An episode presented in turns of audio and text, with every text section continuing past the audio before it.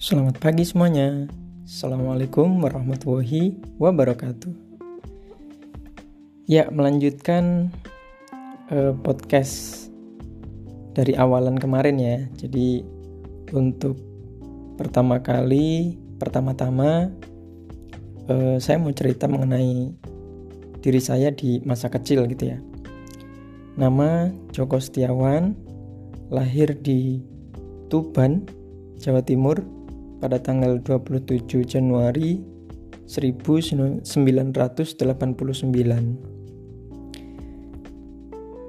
Lahir di keluarga yang sangat sederhana, seorang petani, itu pun petani bukan memiliki sawah ya, tapi menyewa lahan, baik sawah maupun ladang. Dan orang tua, terutama bapak, pekerjaannya bisa bekerja di sawah, bisa di ladang, dan juga bisa nelayan. Jadi uh, multi pekerjaan ya, dan multi keahlian. Kemudian di waktu sorenya, sore dari maghrib ke isya itu bapak menjadi pengajar ngaji di musola atau masjid di rumah dan itu beliau lakukan bertahun-tahun sejak muda ya jadi masa kecil saya eh, ikut membantu di sawah, di ladang, kemudian juga memelihara ini kambing dan juga sapi. Nah, jadi juga waktu kecil kegiatannya bahasa Jawanya itu ngarit ya. Ngarit itu mencari rumput di mana aja untuk dia bawa pulang dan itu menjadi makanan kambing dan juga sapi yang ada di rumah. Nah, kemudian masa kecil saya tinggal di desa Bogorejo, Kecamatan Bancar, Kabupaten Tuban, Provinsi Jawa Timur ya.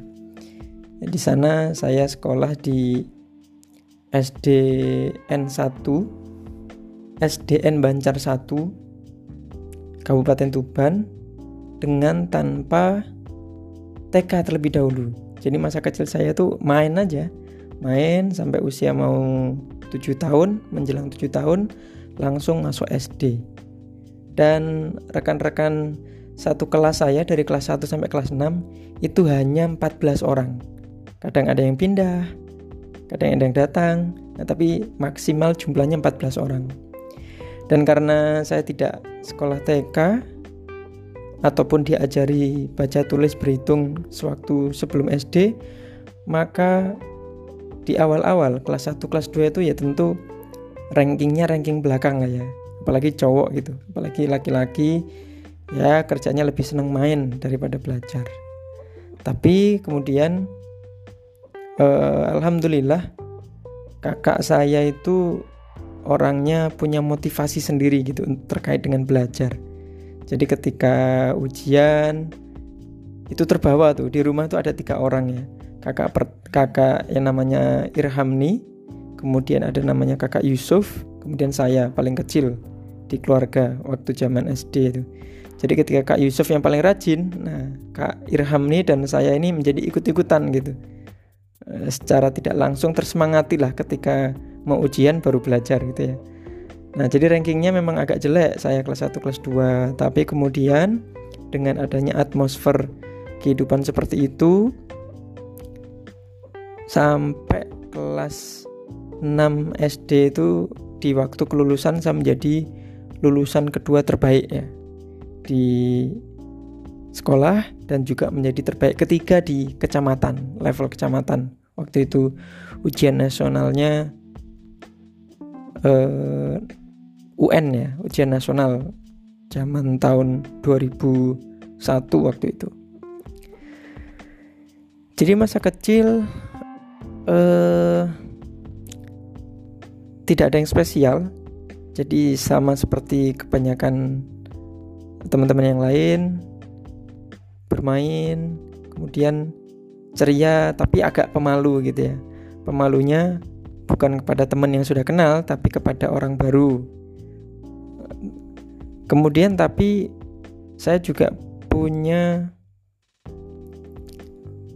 keinginan sendiri begitu untuk uh, hidup yang lebih baik gitu. Hidup lebih baik itu dalam pikiran saya waktu kecil tuh adalah bisa tinggal di kota, sekolah di sekolah yang bagus, seperti itu.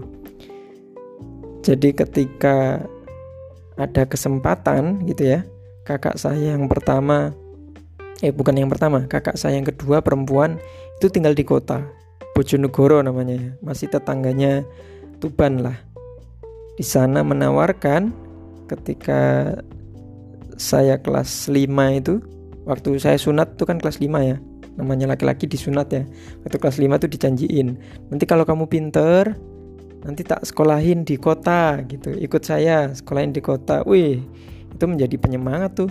Jadi hari-hari ada motivasi tersendiri tanpa ada yang e, nyuruh. Tapi dari dalam dirinya udah udah semangat. Sampai akhirnya e, karena nilai UN-nya bagus, kemudian ikut tes di Bojonegoro dan alhamdulillah lolos gitu ya. Jadi hijrah lah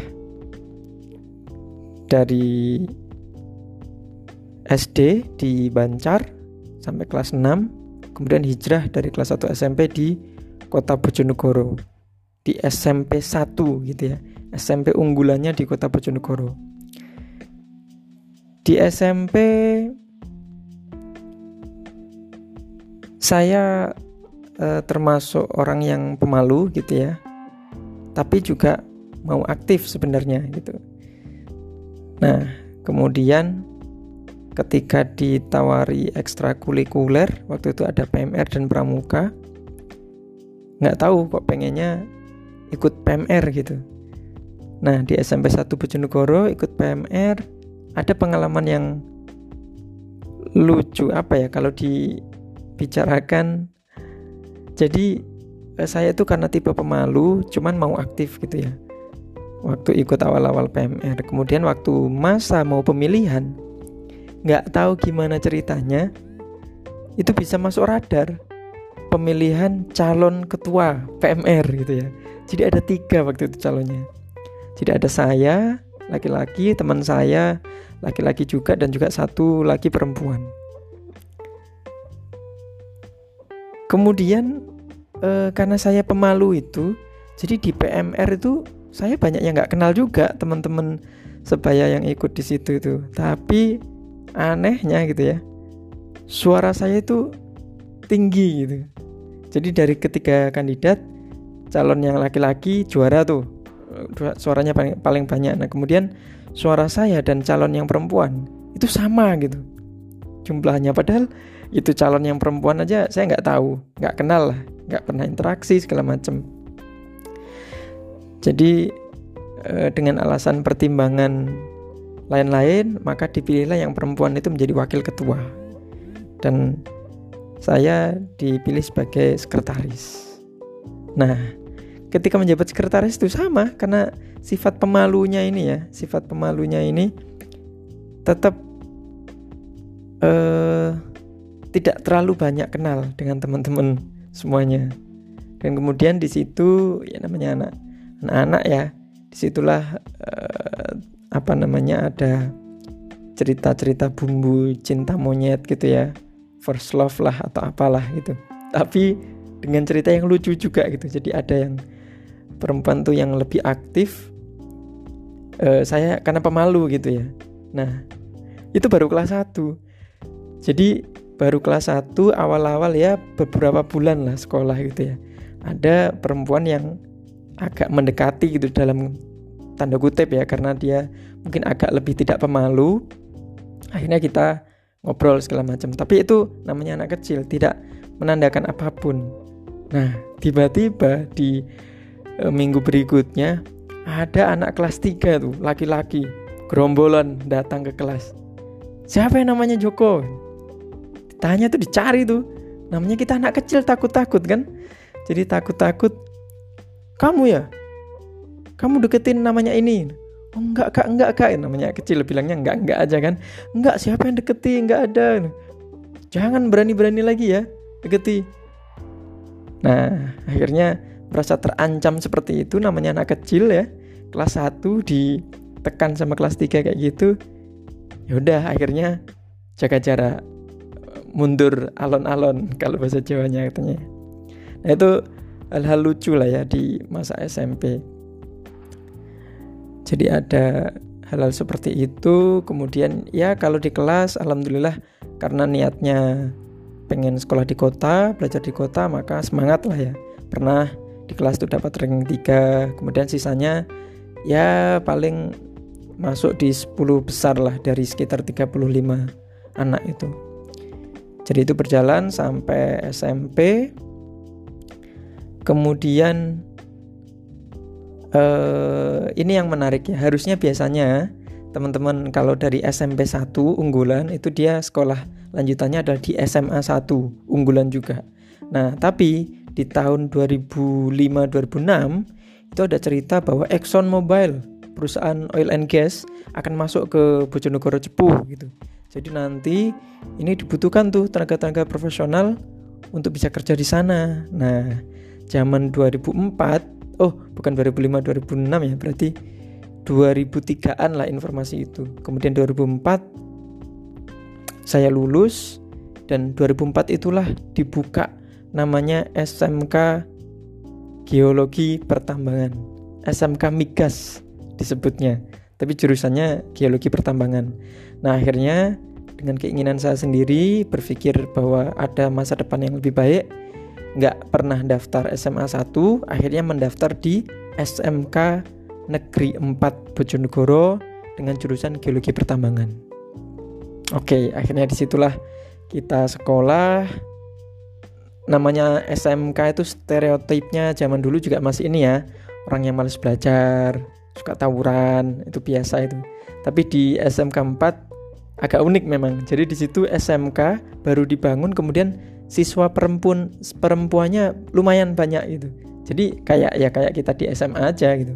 Tapi itu khusus untuk jurusan uh, geologi pertambangan dan akomodasi perhotelan. Jadi ada tiga jurusan tuh di SMK 4 geologi pertambangan akomodasi perhotelan dan teknik kelas jadi di situ uh, sudah agak dewasa ya kelas 1 SMK kita menjadi siswa angkatan pertama Sekolahnya masih sangat sederhana, lokasinya agak jauh dari kota, dan di sebelah-sebelahnya itu masih sawah gitu ya, dalam masa pembangunan. Nah, karena dengan keterbatasan itulah, kemudian mau nggak mau kan OSIS tetap harus ada ya. Jadi di SMK itulah mulai benar-benar merasakan belajar berorganisasi secara agak serius gitu. Akhirnya masuk di OSIS itu pun tanpa inisiatif yang dari diri sendiri yang terlalu tinggi sebenarnya tapi didorong oleh teman-teman. Oh daftarlah daftarlah jadi ini. Nah akhirnya masuk tuh berusaha calon ketua yang akhirnya terpilihlah menjadi uh, wakil ketua dua gitu ya wakil ketua satu atau wakil ketua dua kalau nggak salah. Malah udah lupa. Ketua osisnya dari teknik kelas kemudian wakil oh iya wakil ketua satu. Wakil ketua satunya dari saya geologi pertambangan sama satu lagi dari teknik kelas juga. Nah dari situlah uh, agak serius belajar mengenai uh, berorganisasi di OSIS menjabat selama 2 tahun, tahun pertama, tahun kedua dan juga di tahun kedua nyambung di uh, pengurus PMR karena SMP-nya pernah PMR, jadi di SMK 4 juga melanjutkan kegiatan PMR. Jadi ikutnya OSIS dan juga PMR. Di situ juga aktif mulai belajar bahasa Inggris, keinginan sendiri ya, belajar bahasa Inggris, kemudian ikut-ikut uh, lomba tingkat kabupaten begitu karena geologi ini kan ilmu yang sangat jarang gitu apalagi di Bojonegoro nggak ada yang tahu jadi waktu itu ikut menjadi tim lah untuk bikin penelitian uh, muka air tanah di kota Bojonegoro.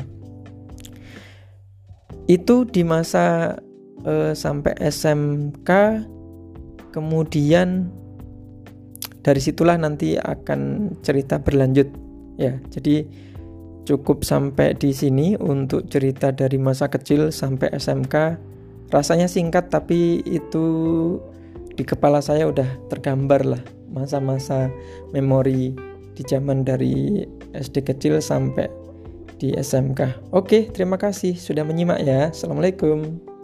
you